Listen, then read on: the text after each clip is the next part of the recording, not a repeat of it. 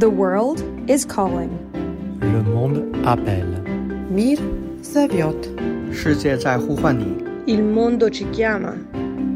Verden kalder. Lige om lidt går amerikanerne til et valg, der kan blive afgørende for præsident Bidens magt og for USA's fremtid. Og indtil for nylig så republikanerne frem til en komfortabel sejr ved det amerikanske midtvejsvalg. Men så forærede den amerikanske højesteret republikanerne en kæmpe sejr, da domstolen fjernede retten til abort i USA. En sejr, som har fået mange amerikanske vælgere på barrikaderne for at sikre, at piger og kvinder har ret til abort. Og derfor også en sejr, som pussy nok kan give vind i sejlene til demokraterne. Derfor spørger jeg i dag, kan abort vinde valget for demokraterne? Jeg hedder Stine Krohmann Dragsted. Velkommen til Verden kalder på Radio 4. Husk, at du kan stille spørgsmål her i programmet sammen med mig. Du kan skrive ind til mig på 1424. Det er sms'en. Du kan sende en besked til med dit spørgsmål, med dine tanker. Tror du, at abort kan afgøre valget i USA? Der er i hvert fald ingen tvivl om, at øh, ham her, han håber, at det kan være en game changer. If you want to change the circumstances for women and even little girls in this country, please go out and vote. And the challenge from the court to the American women and men, the challenge is go out and vote. Well, for God's sake, there's an election in November. Vote, vote, vote, vote. Gå ud og stem, opfordrer præsident Biden altså til her. Han vil gerne have at den her vrede over, at retten til abort er stækket, at den får en her af amerikanske kvinder og mænd til at stemme ved midtvejsvalget. Her i udsendelsen, der skal du blandt andet møde Charles Sykes, som er konservativ politisk kommentator. Han bor i svingstaten Wisconsin, og han har i mange år været imod fri abort. Men han mener, at debatten er kammet over, efter at højesteret har gjort op med den her forfatningssikrede ret til fri abort. What we've seen over the last several years, though, has been this, and this particularly since the, the overturning of Roe versus Wade, has been this rush to the most extreme positions. And, and I have to admit, very, very mixed feelings about, about how the right is responding right now to that. Vi ser to ekstreme synspunkter vinde frem i abortdebatten, og det skræmmer mig, fortæller Charles Sykes altså her. Han er en af de republikanere, der har fået kolde fødder over abortdebatten i hans parti.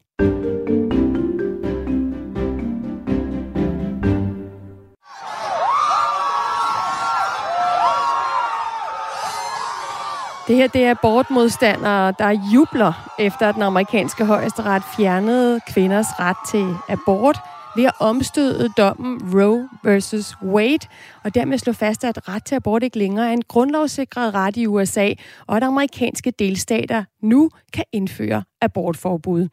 I cirka 14 delstater i USA er, der nu, er det nu forbudt for, for piger og for kvinder at få en abort, og flere af de her forbud, de laver ikke undtagelser, for eksempel hvis en pige bliver udsat for incest, eller en kvinde bliver udsat for voldtægt. Og der er forbud på vej i mange flere delstater i USA. Kampen for at få fjernet retten til abort, det er en kamp, som republikanerne med stor viljestyrke og stor succes har gennemført i 50 år. Så man kunne tro, at det her det var en øh, kæmpe vindersag for de republikanske kandidater her til midtvejsvalget. Eller hvad, Jørgen Brøndal? Nej, det synes jeg, det ville være synd at sige, at, at det var altså en kæmpe vindersag. Det virker som om republikanerne de er i vildrede. Det er som om deres egen anti-abort-ideologi gennem årene har ført dem et sted hen, hvor de egentlig ikke har lyst til at være. De Jørgen Brøndal- at 61 procent af befolkningen... Ja, undskyld, jeg præsenterer dig lige, Jørgen Brøndel. Du er professor og leder af Center for Amerikansk Studier på Syddansk Universitet, og jeg vil bare lige byde dig velkommen tilbage til, til Verden kalder. Jo, tak. Jørgen, sidst du var med i programmet her, øh, det var jo lige inden, at Roe versus Wade blev omstødt, hvor du netop hjalp med at besvare spørgsmålet, hvad sker der, hvis USA's højesteret afskaffer retten til abort? Og en af de ting, vi jo vidste ville ske, det var den her jubel, ikke, som vi lige hørte før fra anti-abortlejren i USA, øhm, som, som jo nøje har planlagt sammen med republikanske politikere, hvordan man kunne tippe magten i den amerikanske højesteret og bane vejen for den her enorme ideologiske sejr, som du siger. Men, men jublen er jo så forstummet i det republikanske parti. Ikke bare det, de er direkte nu i panik over abortspørgsmålet, som du også er ved at beskrive. Det virker overraskende. Prøv lige at uddybe det. Altså, hvorfor omfavner republikanerne ikke den her sejr, og som en politisk sejr, de kan bruge til midtvejsvalget? Deres helt store problem er, at hvis man spørger ud i befolkningen, hvad man egentlig synes om, at adgangen til den fri abort ikke længere øh, er givet rundt omkring i det amerikanske politiske landskab, øh, så øh, øh, er det sådan, at øh, republikanerne godt ved, at 61 procent af befolkningen går ind for abort i alle eller de fleste tilfælde, altså et stort flertal.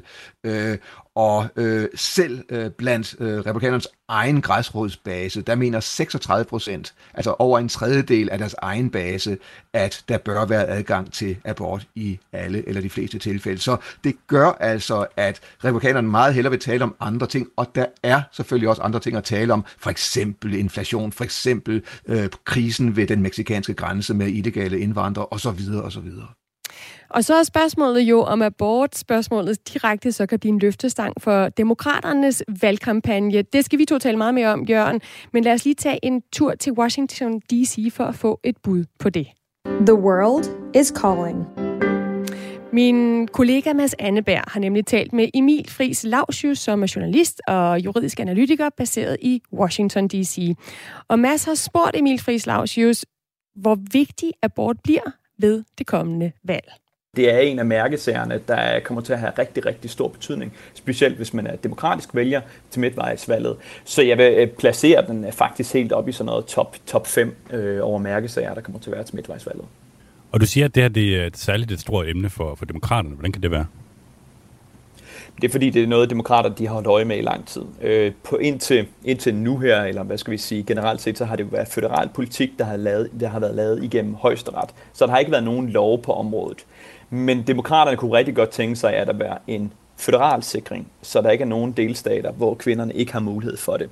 Så derfor er det også mobilisering her til midtvejsvalget, hvor at vælgerne i USA de skal stemme om, hvem der skal sidde i, eller en tredjedel af dem, der skal sidde i senatet, og så alle dem, der skal sidde i repræsentanternes hus. Det er sådan lidt mere øh, folketinget, man kan sige i Danmark. Så hvis demokraterne kan få et flertal i begge de her kammer, jamen, så har de mulighed for at sikre alle kvinders rettighed til at få en abort i hele USA.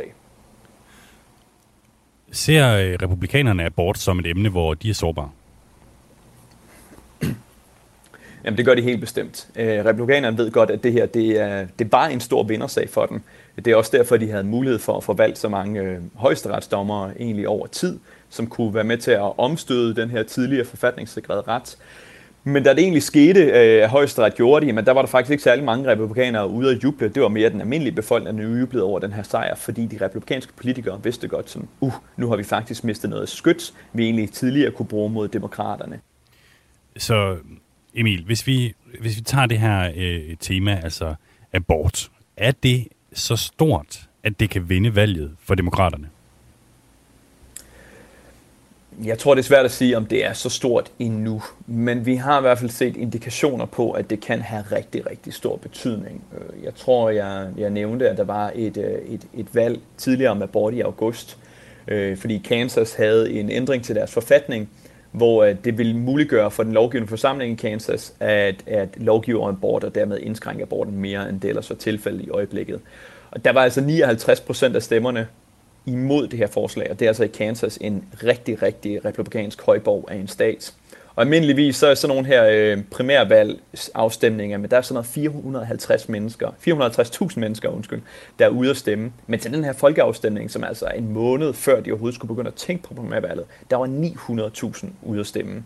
Så det er virkelig noget, der ser ud som om, at det rykker øh, demokraterne til at komme ud og stemme, og muligvis også uafhængige øh, vælgere til at komme ud. Så, så potentielt er det en kæmpe stor vindersag. Det er i hvert fald ikke nogen vindersag for republikanerne. Så det her er en af de ting, hvor demokraterne kunne håbe på at få en masse ud. Vi må selvfølgelig vente og se, når vi kommer tættere på valget. Men lige nu, der virker det som en god indikator på, at demokraterne har mulighed for måske endda at vinde nogle af de, øh, de sæder i øh, senatet og repræsentanten som de ellers ikke regnede med. Ja, fordi hvis demokraterne skal gøre det, som, øh, som de gerne vil, nemlig at få skrevet retten til abort ind i den amerikanske lovgivning, så kræver det, at de vinder øh, over hele pladen. Så kræver det, at de vinder repræsentanternes hus og senatet. Men ser det ud til, at de gør det lige nu? Hvis vi skal starte med det mindre af kammerne, altså senatet, så, øh, så har demokraterne i øjeblikket øh, 50-50. Øh, der er 100 sæder i senatet, så demokraterne har 50 af stemmerne, og republikanerne har 50 af stemmerne. Og det giver dem et lille flertal demokraterne, fordi de har vicepræsidentkandidaten. Og indtil for nylig, der havde det faktisk set ud som om, at, øh, at afstemningen her til, til, til november, det vil ende med at være egentlig mere eller mindre det samme, 50-60. Måske kunne republikanerne have vundet lidt. Men nu, de seneste par uger, der ser det faktisk ud som om demokraterne er ved at tage føring så det kunne faktisk godt ende med, at de vil få 51 eller 52 procent af procent, ikke bare procent af sæderne, for det vil de også, men 51 eller 52 af sæderne. Så de har faktisk en mulighed for at, øh, for at vinde senatet egentlig øh, mere, end man måske regnede med. Når det kommer til huset derimod, så er der 435 sæder, og øh, i øjeblikket har demokraterne et flertal, dog et lille flertal. Og der er det altså en lidt anden sag, for der ser det faktisk ud som om republikanerne kan tage det.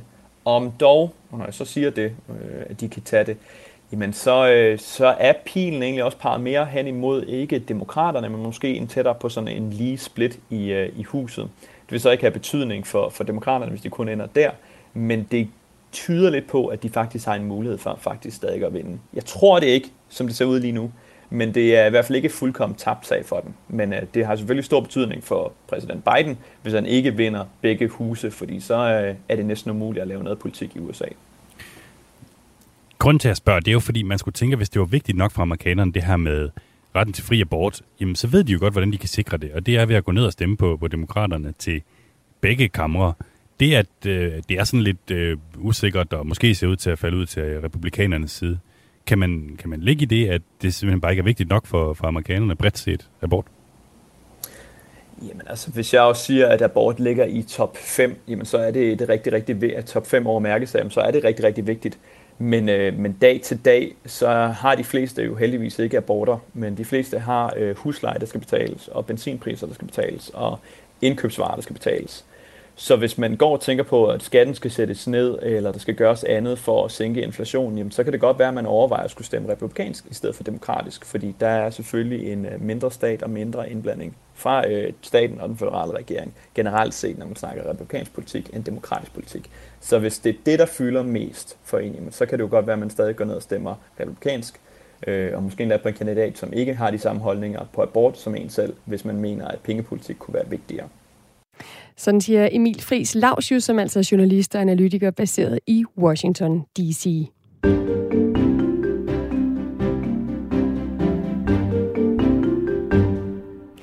Jørgen Brøndal, professor i amerikansk politik. Vi hører her fra Emil, at jo, abort er vigtig for vælgerne, men formentlig ikke vigtig nok til, at demokraterne bevarer kontrollen over både senatet og repræsentanternes hus. Er du enig? Altså, jeg tror, det er svært at nå til nogle konklusioner på nuværende tidspunkt, hvor det hele, øh, hele det amerikanske politiske landskab øh, er i bevægelse.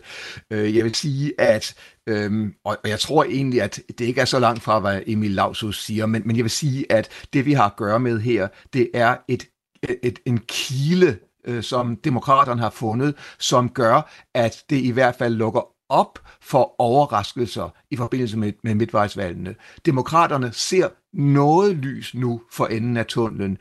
Altså, de mener, at det her, det kan potentielt vende op og ned på republikanernes planer. Om det er nok til, at republikanerne ikke kan overbevise øh, tilstrækkeligt mange vælgere om vigtigheden af inflationen og øh, vigtigheden af for eksempel øh, krisen ved den meksikanske grænse.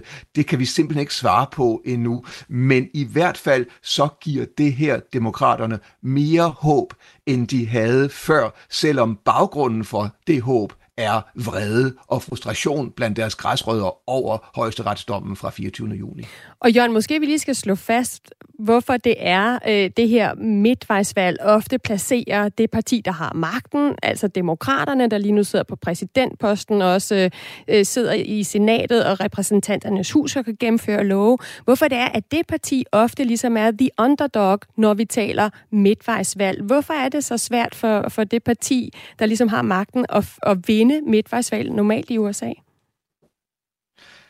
Ja, altså det viser sig i hvert fald, at statistisk set sker det næsten altid, sker der næsten altid det, at det parti, øh, der sidder, øh, der har præsidenten, taber pladser ved midtvejsvalgene. Og det er svært at forklare, hvorfor det er tilfældet, men det er i hvert fald blevet øh, foreslået, at det man i virkeligheden øh, blandt andet stemmer om, det er præsidentens popularitet og øh, Ja, øh, øh, og, og der er det gerne sådan, at pr- øh, præsidenten ikke længere øh, er så populær som lige i øh, indledningsfasen øh, af, af sit præsidentembede, og derfor kan det gå ud over øh, øh, vedkommende, altså hans parti. Mm. Og lige nu er Bidens approval rating, hans popularitet, ikke særlig god. Den ligger i, øh, øh altså omkring 42 procent af befolkningen er tilfredse med, hvad han har gjort, og flere er, er utilfredse. Men så er der nogle særlige omstændigheder ved den nuværende situation. En er, at Trump bliver ved med at bevæge sig og bliver ved med at rumle i baggrunden. Og det gør, at midtvejsvalget måske ikke bare bliver et valg om øh, øh, Bidens popularitet, fordi Trump ligger ligesom og lurer hele tiden. Og så ud over det, øh, så kan man sige, at hvis vi ser på øh, øh, Bidens situation lige nu, øh, så er han ganske vist øh, øh lidt øh, øh, temmelig upopulær, men han har haft noget vind i sejlene på det sidste. Blandt andet har han fået gennemført en stor øh, pakke, øh, der handler om grøn omstilling og om at begrænse øh, priserne på medicin, som er blevet præsenteret som et, øh, en lov mod inflation. Øh, han har fået gennemført en moderat våbenpakke. Øh, arbejdsløsheden er øh, meget lav, og så videre, og så videre.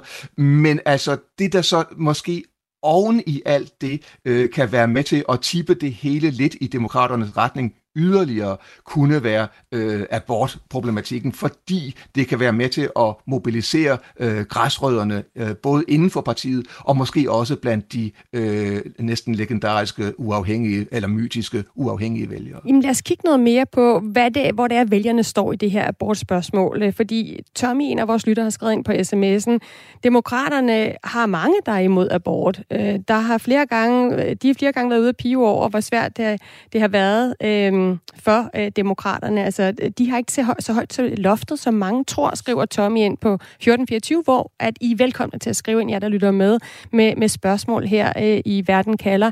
Jørgen Brøndal, ved vi noget om, hvor mange ekstra vælgere, altså både demokrater og uafhængige, som abortspørgsmålet kan mobilisere? Det er meget, meget svært at, at, at sige, og det er lige præcis det, som præsidentvalget, øh, for midtvejsvalget kommer øh, til at handle om, øh, hvor meget man kan, øh, kan øh, mobilisere. Øh, det vi blandt andet ved, øh, det er, at øh, der er øh, øh, altså der er et forsøg blandt demokraterne på at nå øh, en række uafhængige vælgere. Det drejer sig blandt andet om øh, nogle øh, veluddannede hvide kvinder ude i forstederne, som man gerne vil nå frem til. Det drejer sig også om en del unge. Øh, en del øh, inden for disse øh, kategorier er i forvejen demokrater, men der findes også et, et, et uafhængigt element blandt dem. Men så handler det også om at stampe basen op, at få så mange trofaste støtter som overhovedet muligt til rent faktisk at øh, stemme. Og her drejer det, øh, det sig igen om ligesom at køre på noget forarvelse over højesteretsdommen og køre på at fremstille øh, den republikanske øh, lejr som ekstrem, øh, og så øh, derigennem øh, ligesom få energien på sin side. Man kan sige, at førhen inden højesteretsdommen i juni måned, der var energien i, i øh, abortspørgsmålet øh, hos øh, modstanderne af abort, fordi de følte, de havde noget at kæmpe for. Nu har de fået, hvad de ville have, kan man sige, og nu ligger energien derfor i højere grad hos øh, demokraterne. Og det man så håber på hos demokraterne, det er, at man ender med øh, rent faktisk at få så mange kernevælgere og så mange øh, uafhængige til at dukke op, at man vinder det her slagsmål, men det er og bliver uklart, om det rent faktisk kan lade sig gøre. Og Jørgen Brøndal, er det så de rigtige vælgere, så at sige? Altså, en ting er at få vælgere over øh, og stemme demokratisk, for demokraterne håber, men er det i de svingstater, som demokraterne skal vinde i, for at øh, få, altså for ikke at tabe de her sæder i for eksempel repræsentanterne hus, som de meget gerne vil holde fast i? Altså, det kunne være rigtig fantastisk for øh, demokraterne, hvis de kunne gøre indhug blandt, skal vi sige, øh, mandlige industriarbejdere i øh, det gamle rustbælte op i, i Midtvesten. Øh, spørgsmålet er, om de gør det, men et andet, en anden, øh, men det, det man måske kan sige er, at i det omfang, at sådanne vælgere i, i stadig højere grad øh, bevæger sig i retning af øh, republikanerne, det er sådan, man nu taler om ligesom et, et, øh, et uddannelsesgab mellem de to partier, hvor demokraterne har det med at tiltrække de højere øh, uddannede. Men altså, hvis nu de, øh, skal vi sige, mindre uddannede øh, bare ikke føler sig lige så entusiastiske omkring øh, disse valg, så kan det være, at de i højere grad bliver hjemme på sofaen, mens det lykkes øh, demokraterne at få deres folk øh, af gårde. Det er i hvert fald det, øh, mm. demokraterne håber på, og igen, øh, det, en af grunden til, at dette valg er så sindssygt spændende, er, at, at disse ubekendte først øh, bliver bekendte på selve valgdagen. Noget af det, der er bekendt, det er, hvordan republikanerne har reageret på, at øh, abort lige pludselig er blevet et emne, de kan tabe på øh, til valget. Øh, havde det republikanske parti en plan for, hvordan de skulle håndtere den her øh, abort-sejr? For det er det jo, øh, som, som betyder, at for eksempel republikanske guvernører ude i delstaterne jo nu pludselig kan gå ud og forbyde abort, noget de har kæmpet for i overvis. om de havde en, en, en plan, øh, det er et, et interessant spørgsmål. I hvert fald så virker det i dag som om, at i det omfang, de havde nogle planer, så står de i vildrede. Der er, som du var inde på i starten af, af programmet, en række, stater, en række stater, så er det 14-15 stater, hvor der nu er meget, meget strenge abortforbud i kraft, hvor blandt andet det også drejer sig om øh, øh, gravide kvinder, øh, der er blevet udsat for øh, incest eller eller voldtægt. Øh, øh, og, og, og det har i hvert fald overrasket mange øh, republikanere i det omfang, at de havde en overordnet plan, øh, hvor stærkt øh, hvor stærkt, øh, hvor stærke reaktionerne har været omkring lige præcis sådan noget som incest og voldtægt. Man havde jo bare regnet med, at man kunne gennemføre, og det har man også gjort, øh, mange abortforbud, og i dag er det blevet sværere at få gennemført en abort i op mod 26 stater, ud over, altså, altså inklusive de der 14-15, hvor det blevet virkelig øh, svært. Mm. Man havde regnet med, at det hele ville kunne blive, øh, øh, hvad skal man sige, at det, at det ville gå øh, øh, i en retning, som ikke var særlig problematisk, men der er blevet fokuseret så meget på disse ekstreme undtagelser. Blandt andet var der en sag i Ohio, hvor en 10-årig pige øh, var blevet voldtaget og blevet gravid, og hun kunne ikke få gennemført en øh, abort i sin egen hjemstat, fordi hun var mere end 6, måned, øh, mere end 6 uger øh, gravid, og så måtte hun tage til sta- øh, nabostaten øh, Indiana, øh, Indiana, og det var til med sådan, at der opstod tvivl om, hvorvidt det overhovedet var en sand historie, øh, og Biden var ude og sige, at det var en sand historie, og andre politikere sagde, at det ikke passede. Det viste sig, at, at, at historien var sand. Men altså den slags historier om de ekstreme undtagelser, der udgør øh, mindre end 1% af alle aborter i USA, har været med til at piske en stemning op og forvirre republikanerne, og øh, også i et eller andet omfang få dem til ligesom nærmest at skjule sig i abortdebatten. Ja, vi har jo lige frem set republikanske politikere, der, der er på valg her ved midtvejsvalget, fjerne spørgsmålet om aborter, hvor de står der fra deres øh, websites. Hvad går det ud på? Jamen det går lige præcis ud på, at man før var ideologisk ren og havde nogle meget kraftige holdninger øh, om øh, meget øh, konsekvente forbud mod abort. Det drejer sig for eksempel om øh, en, øh, en senatskandidat øh, øh, fra Arizona, der hedder Blake Masters, øh, der gik ind for, hvad han kaldte en federal personhood law, altså at man er et menneske fra det øjeblik, man bliver undfanget, øh, og øh, det og andre lignende, øh, den holdning og andre lignende holdninger på hans website er lige pludselig forsvundet. The world is calling. Le monde appelle. Mir 世界在呼唤你。Il mondo ci chiama. Verd Keller. Kan abort vinde valget for demokraterne? Det er spørgsmålet, jeg er ved at få svar på her i Verden kalder. Jeg hedder Stine Krummernd Dragsted, Og med til at svare på, om abort kan blive afgørende for en demokratisk sejr ved midtvejsvalget den 8. november, har jeg stadig professor i amerikansk politik, Jørgen Brøndal. Og Jørgen, en af de delstater, hvor abort kan rykke stemmer, det er jo i delstaten Wisconsin, en delstat, som du kender så dels godt. Du har boet i den, du har studeret i den, øh, skrevet afhandling om den. Jørgen, i Wisconsin er der jo en gammel abortlov, som er trådt i kraft efter at højesteret øh, har fjernet den her forfatningssikrede ret til abort øh, den 24. juni i år. Hvad, hvad går den her gamle abortlov lov ud på? Hvor, hvor stram er den? Ja, altså det er en lov, der går helt tilbage øh, til 1849, og så, og så blev den opdateret nogle gange frem mod 1858. Øh, men den var altså i kraft indtil 1973, Roe v. Wade, og, tro, og, og trådte så ud af kraft, var ophævet så længe Roe v. Wade i 1973 galt, og frem til i år, hvor den så igen er trådt i kraft. Det er en lov, som gør det næsten umuligt at få en abort i Wisconsin. Øh, Øh, og øh, det drejer sig også om, at i tilfælde af voldtægt og incest, der øh, er der ikke nogen undtagelser øh, øh, i denne lov. Så det er en meget streng abortlov. Øh, i øjeblikket er det så sådan, at øh, den øh, øh, guvernøren i staten er demokraten Tony Evers, og han har forsøgt i så vidt øh, omfang, som det overhovedet er muligt, ligesom at manøvrere uden om loven. Og der er også indledt en retssag, der går ud på, at en abortlov fra 1985 måske kan overtrumfe den gamle lov. Men lige nu er sagen den, at det hele er uklart, øh, og at øh, det også er sådan nu, at guvernørvalget i høj grad kommer til at handle om abortspørgsmålet, fordi republikanerne har i den lokale lovgivende forsamling stort flertal i begge kammer, og det vil de formodentlig også have efter midtvejsvalgene. Så derfor øh, kommer det hele til at handle om, hvorvidt Tony Evers vil kunne blokere, altså nedlægge veto mod øh, ny lovgivning øh, i den lokale lovgivende forsamling, eller om den republikanske udfordrer Tim Michels vil underskrive eventuelle nye abortlov. Så abortspørgsmål spiller en enorm rolle i Wisconsin lige nu, og, og det er sådan ifølge en meningsmåling, at omkring 55 procent af vælgerne, det vil sige et flertal, øh, gerne så den gamle lov ophævet. Er Wisconsin et særtilfælde med den her gamle lov, der er trådt i kraft, eller, eller er det sådan, situationen er nu rundt omkring i USA? Vi ser et kludetæppe af nye og gamle abortlov i de forskellige delstater.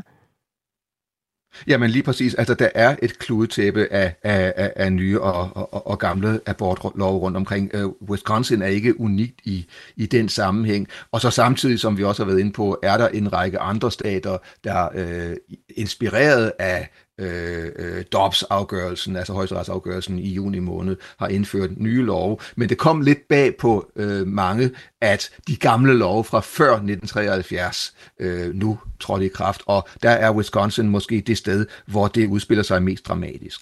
Så du siger, at i Wisconsin her til midtvejsvalget, der har det stor betydning for guvernørvalget. Kan det få nogen betydning for, hvem vælgerne i Wisconsin vælger ind til kongressen i Washington D.C.? Det kan det også godt. Øh, altså, øh, det kan slet ikke udelukkes, at det også får betydning for både øh, valgene til repræsentanternes hus og ikke mindst til senatet. Øh, der står øh, valget lige nu øh, i senatet mellem den siddende republikanske øh, øh senator og meget øh, sådan Trump-tro senator, republikaneren Ron Johnson, og så en demokratisk udfordrer ved navn Mandela Barnes, øh, der er øh, viceguvernør lige nu. Og øh, der er ingen tvivl om, at abortproblematikken er noget, øh, der ligger Ron Johnson, den siddende øh, republikanske senator, på scene. Det er nemlig sådan, at han øh, for ganske få dage siden var ude og bebude, at han gerne så, at man gennemfører en folkeafstemning om at tillade abort ved voldtægt øh, og incest. Altså noget, som den nuværende lovgivning ikke lægger op til.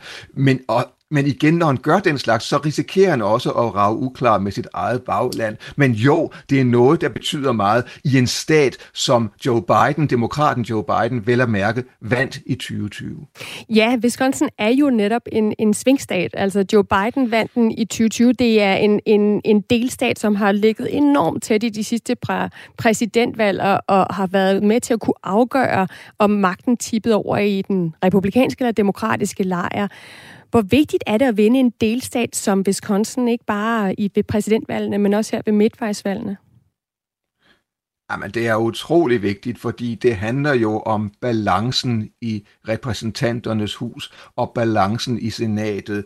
Øh, og der er det sådan lige nu, øh, ser det ud til, og det var også noget, Emil Lausus var inde på i sit indslag tidligere i programmet, der er det sådan lige nu, at meget tyder på, at demokraterne har en solid chance for at holde fast i deres meget, meget øh, spinkle dominans i senatet, øh, og måske udbygge øh, den lidt altså få et egentligt flertal der, øh, og mens det i repræsentanternes hus ser øh, sværere ud.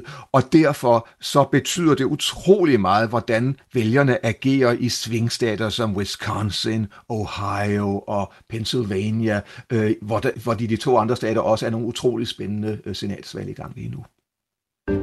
Du lytter til Verden kalder på Radio 4. Og netop i Wisconsin, der bor Charles Sykes. Han er konservativ politisk kommentator. Han er blandt andet forfatter til bogen How the Right Lost Its Mind, altså hvordan højrefløjen mistede forstanden. Og han beskriver sig selv sådan her.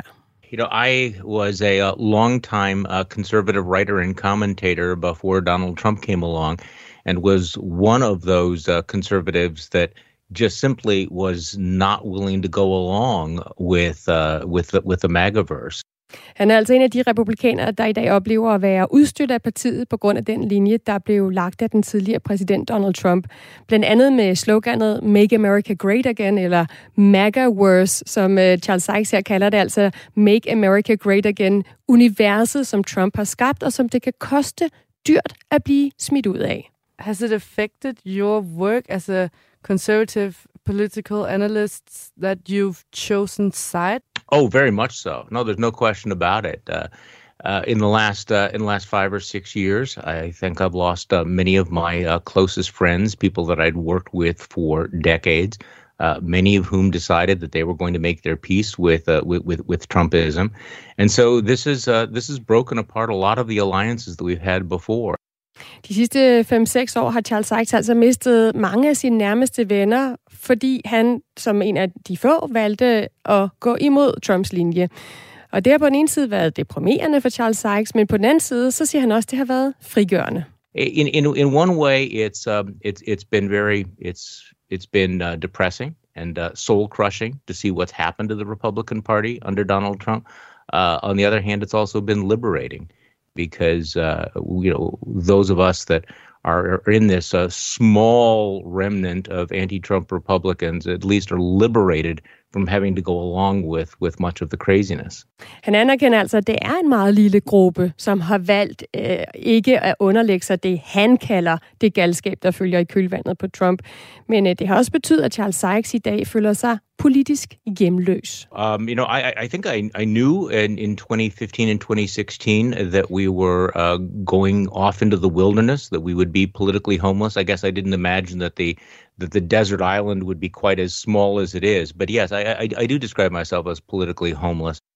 Jeg vidste godt, at vi ville blive politisk hjemløse tilbage i 2015 og, og 2016, men jeg havde ingen idé om, hvor lille øen med de udstøtte ville være, siger Charles Sykes.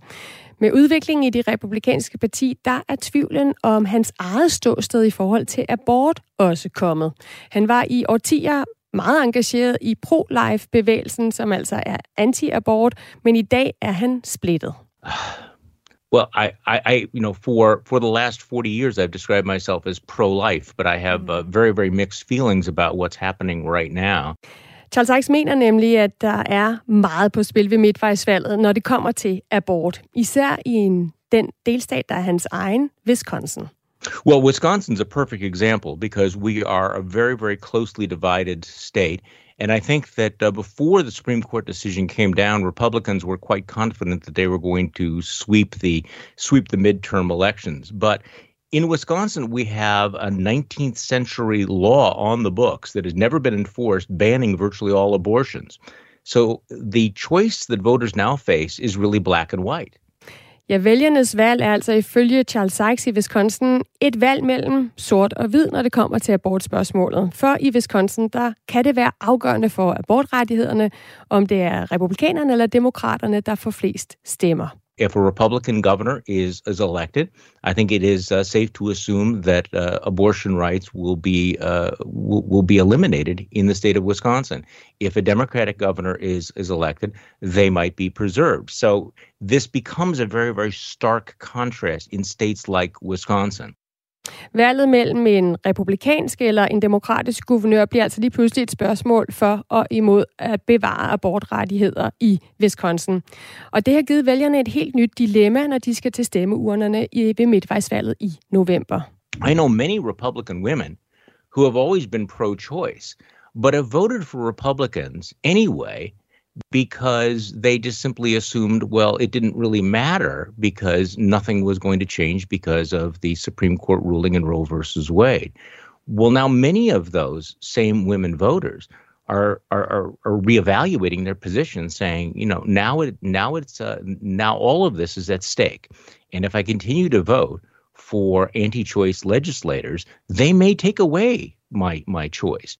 Charles Sykes beskriver altså en masse republikanske kvinder, han kender, der har været for abort, men samtidig stemt på republikanerne, fordi de vidste, at abortretten, den ville ikke ændre sig med en republikansk stemme. Men det er anderledes nu, hvor abortretten er reelt på spil.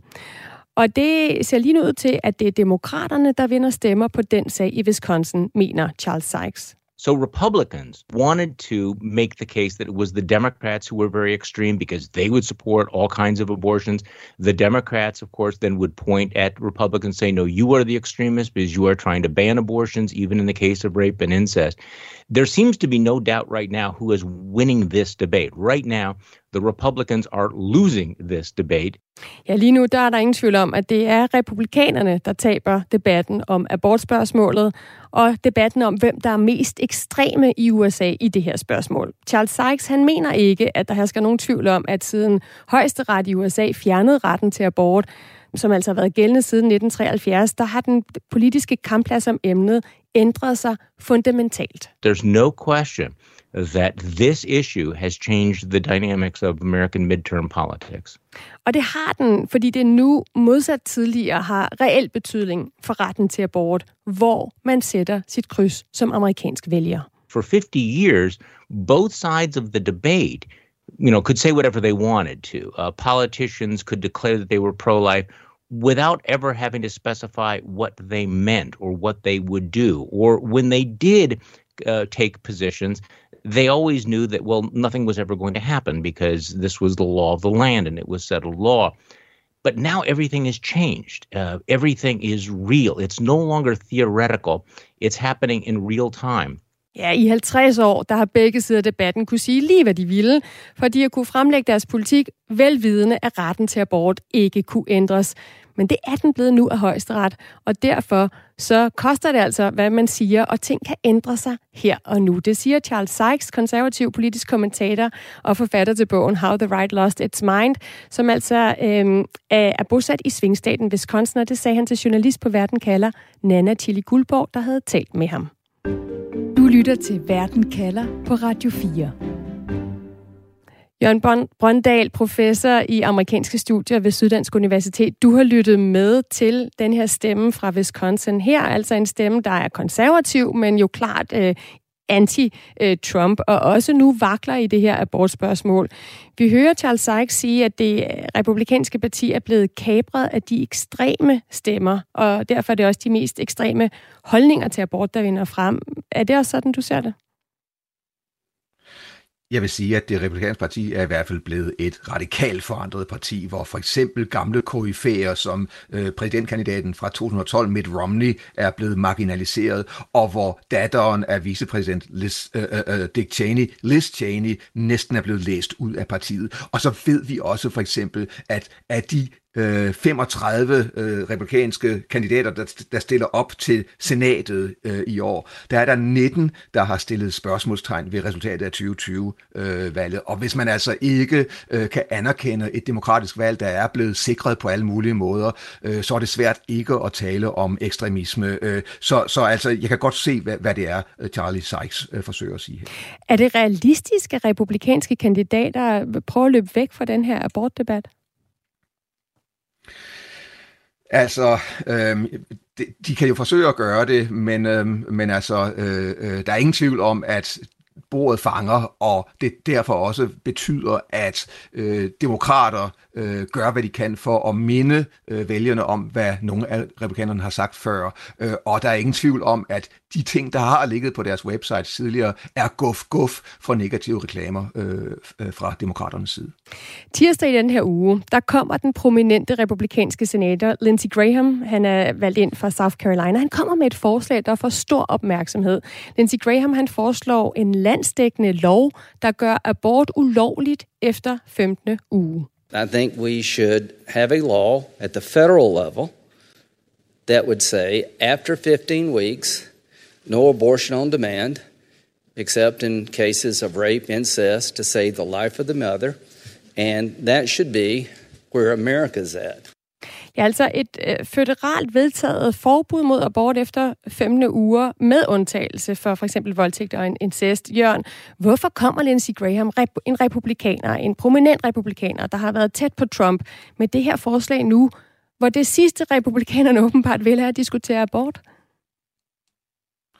I hvert, I hvert fald er der mange, der, mange kommentatorer, der synes, at det er et kæmpestort selvmål, han begår her. Han forsøger vel øh, på at samle republikanerne om en fælles linje, sådan så de mere ekstreme holdninger og de mere mainstream holdninger øh, kan ligesom øh, enes om, at i alle stater skal der være mindst øh, øh, øh, øh skal der være abort efter 15, altså øh, forbydes abort efter 15 uger. Det er ikke sådan, at de stater, der har helt ekstremt øh, hårde sanktioner, at, at man laver om på deres regler. Det handler om, at de stater, hvor der i i øjeblikket er fri adgang til abort, men der vil indskrænke det til de første 15 uger, at, at man der har, har, har ret til abort. Øh, men altså, det er... Øh, øh, øh der, hvor i der ligesom opstår nogle problemer, det er for det første, at mange øh, republikanere, blandt andet Mitch McConnell, der er leder af republikanerne i senatet, han mener, at det skal være op til delstaterne selv at vurdere det her. Øhm, og samtidig så er det også et forsøg på øh, sådan øh, måske uafvidende at sparke nyt liv i hele abortdebatten, og det er lige præcis det, republikanerne gerne vil undgå. Så mm. demokraterne er øh, sådan set glade for, at Lindsey Graham gør det her, fordi de opfatter det som en øh, øh, eklatant brøler, øh, hvor øh, det så samtidig er sådan, at, at man nu kan sige, at øh, midtvejsvalgene dermed bliver et spørgsmål om øh, demokraterne, som vil have indført en lov, øh, der øh, tillader øh, det frie abort, mens republikanerne åbenlyst ikke kun taler om delstaternes rettigheder, men også taler om en eller anden form for national forbud efter 15 uger. Lad os lige høre, hvad Nancy Pelosi, altså forkvinden for demokraterne i repræsentanternes hus, hvad hun, øh, hvordan hun reagerede på det her forslag fra Lindsey Graham. There are those in the party that think life begins at the candlelight dinner the night before. They are digging a hole, and they just keep digging it. Ja, de er ved at øh, grave et, et hul for dem selv, og det bliver bare ved med at grave så dybere ned, lyder det her for, for Nancy Pelosi. Men altså, Jørgen, rent substantielt, er Lindsey Grahams forslag så overhovedet så kontroversielt? Eller er der ikke ret mange republikanere, som vil kunne støtte op om øh, et, et forbud efter 15. uge? Altså i Danmark har vi fri abort op til 12. uge. Jo, det kunne man måske sige. Altså, øh, der er øh, udfordringen så, at mange øh, republikanere i et eller andet omfang gerne vil have øh, øh øh, abort øh, øh, afskaffet, dog ikke i tilfælde af de mest ekstreme former, som vi talte om før med incest og voldtægt. Og derfor øh, så øh, øh, vrænger det lidt af det her forslag, fordi øh, over 90 procent af alle aborter finder sted øh, inden for de første 15 uger. Så derfor så, så, så føler mange republikanere, at forslaget sådan set ikke går vidt nok, samtidig med, at demokraterne øh, føler, hvorfor i alverden skal vi pludselig have øh, nogen, for, nogen form for abortregler i en stat som Kalifornien, hvor der er kæmpestort flertal for den frie abort. Mm. Så Lindsey Graham har på en eller anden måde øh, lavet et selvmål, selvom hans idé egentlig måske var god nok øh, strategisk tænkt, altså at, at han ligesom leverede en fælles holdning, hvor republikanske kandidater kunne gå ud og angribe demokraterne her ved midtvejsvalget som ekstreme, og så spørge dem, hvorfor støtter I ikke et kompromis om øh, øh et abortforbud efter 15. uge, men, men det er der altså ikke op opbakning til i, i hans eget parti. Lad os lige vende os mod, øh, mod demokraterne, så de vil jo gerne skrive retten til fri abort ind i en føderal lov. Er det realistisk selv, hvis de får flertal? Ja, altså øh, faktisk gjorde de øh, det i 2021 i, repræsentant, i repræsentanternes hus. Man skal jo have et lovforslag vedtaget i begge kammer, både huset og, og, og senatet. Og i 2021, der lykkedes det at gennemføre sådan et forslag i huset, men så øh, øh, kom det, øh, så, så faldt det i, i senatet. Det der er udfordringen for demokraterne, det er, at for at gennemføre lov i dag, skal man i senatet gerne have 60 ud af 100 stemmer. Selv hvis det går demokraterne godt til øh, midtvejsvalgene, er der ikke ret mange, der tror, at man når op på 60 demokratiske pladser ud af de 100 i senatet. Og dermed kan det blive meget, meget svært at gennemføre en, en uh, abortlov, med mindre at der er demokrater, der er villige til at lave om på øh, afstemningsreglerne i øh, senatet. Det kan man gøre med simpelt flertal, men lige nu er der to senatorer, øh, en fra West Virginia ved navn Joe Manchin, og en fra Arizona ved navn Kirsten Sinema, der ikke vil gå med til at lave om på afstemningsreglerne. Så i øjeblikket kan det ikke lade sig gøre, og spørgsmålet er, om øh, hvis der nu kommer to ekstra øh, demokratiske pladser i senatet efter midtvejsvalgene, om der så vil være nok til at gennemføre en ændring af reglerne, så man rent faktisk kan få øh, en simpel afstemning, flertalsafstemning om abortspørgsmålet. I så fald er det ikke udelukket, at man mm. kan gennemføre en sådan. Det er super kompliceret, ikke? Fordi det, man skal ikke bare have et flertal, ja, man skal have et superflertal, og så skal man yes. bare have et flertal for at ændre reglerne om at få et superflertal, og det er der så nogle demokrater, ja. der ikke vil. Men Jørgen, prøv lige bare at forklare, hvorfor er det, at du har lige altså, fortalt, hvordan demokraterne kunne få en masse andre sejre igennem øhm, på, på, hvad hedder det, klima og på hvad, gældsafgivelse til studerende og hjælp i forhold til corona. Hvorfor er det så svært lige præcis her, at de skal have det her superflertal at få det igennem på abort? Altså, øhm, det er stadigvæk sådan, at øh, øh, der er øh, nogle demokrater øh, blandt græsrødderne, der vel øh, ikke er super øh, begejstrede for en, en, en ny abortlov, måske i hvert fald. Men, men først og fremmest, så, så handler det altså om, at lige nu har man et så spinkel øh, dominans i, i senatet. Altså, der er 100 pladser, demokraterne sidder på 50, og så i kraft af vicepræsident Kamala Harris har de øh, en, en, den afgørende svingstemme, kan man sige. Men, men altså, øh, der, jeg, jeg tror bestemt, at hvis den her øh, øh, lov ville komme til afstemning i senatet, så ville 48 demokrater stemme for den, og, øh, og ja, måske endda 50, men det vil ikke være nok, fordi man skal op på 60, og mm. de der to øh, de, demokrater, der ikke går med til at lave om på afstemningsreglerne, de ville være, være øh, afgørende. Jeg tror ikke, at der er noget, øh, der gør, at demokraterne ikke har lyst til at få det her gennemført. Jeg tror, at hvis de får flertallet til det, så gennemfører de det.